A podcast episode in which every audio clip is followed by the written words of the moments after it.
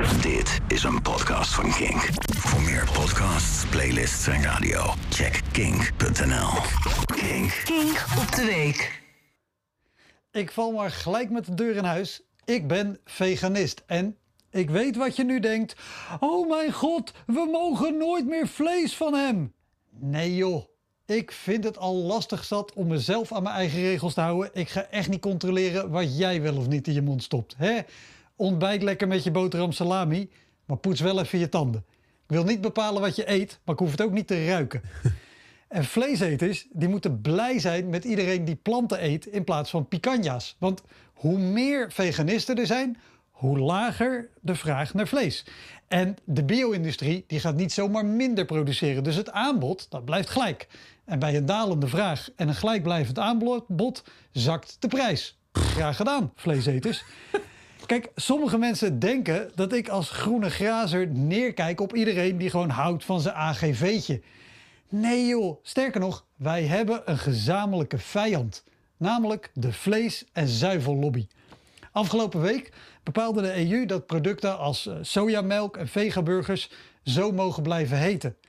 Maar lobbyisten die wilden dat er een verbod op namen kwam als melk of burger voor alles wat van planten is gemaakt. Sterker nog, dat soort plantaardige producten zouden niet eens meer in verpakkingen mogen zitten die lijken op de verpakkingen van hun dierlijke variant. Dus eh, sojamelk zou dan sojasap moeten heten.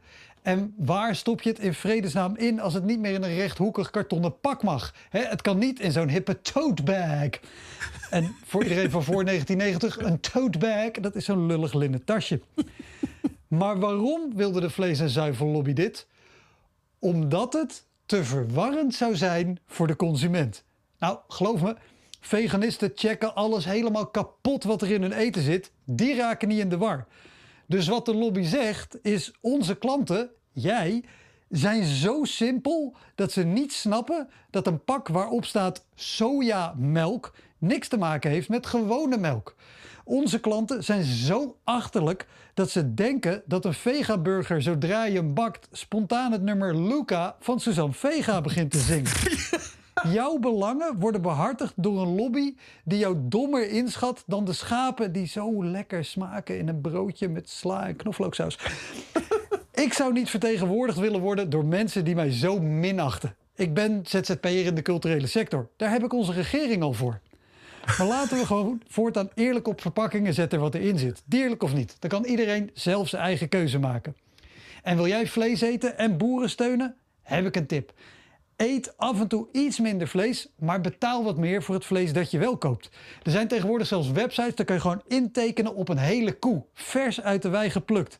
Dan heb je in één keer een vriezer vol fantastisch vlees. Super handig. Hang je vriezer aan de krachtstroom en je grilt de hele boel in één keer. Dit was een podcast van Kink. Voor meer podcasts, playlists en radio, check kink.nl.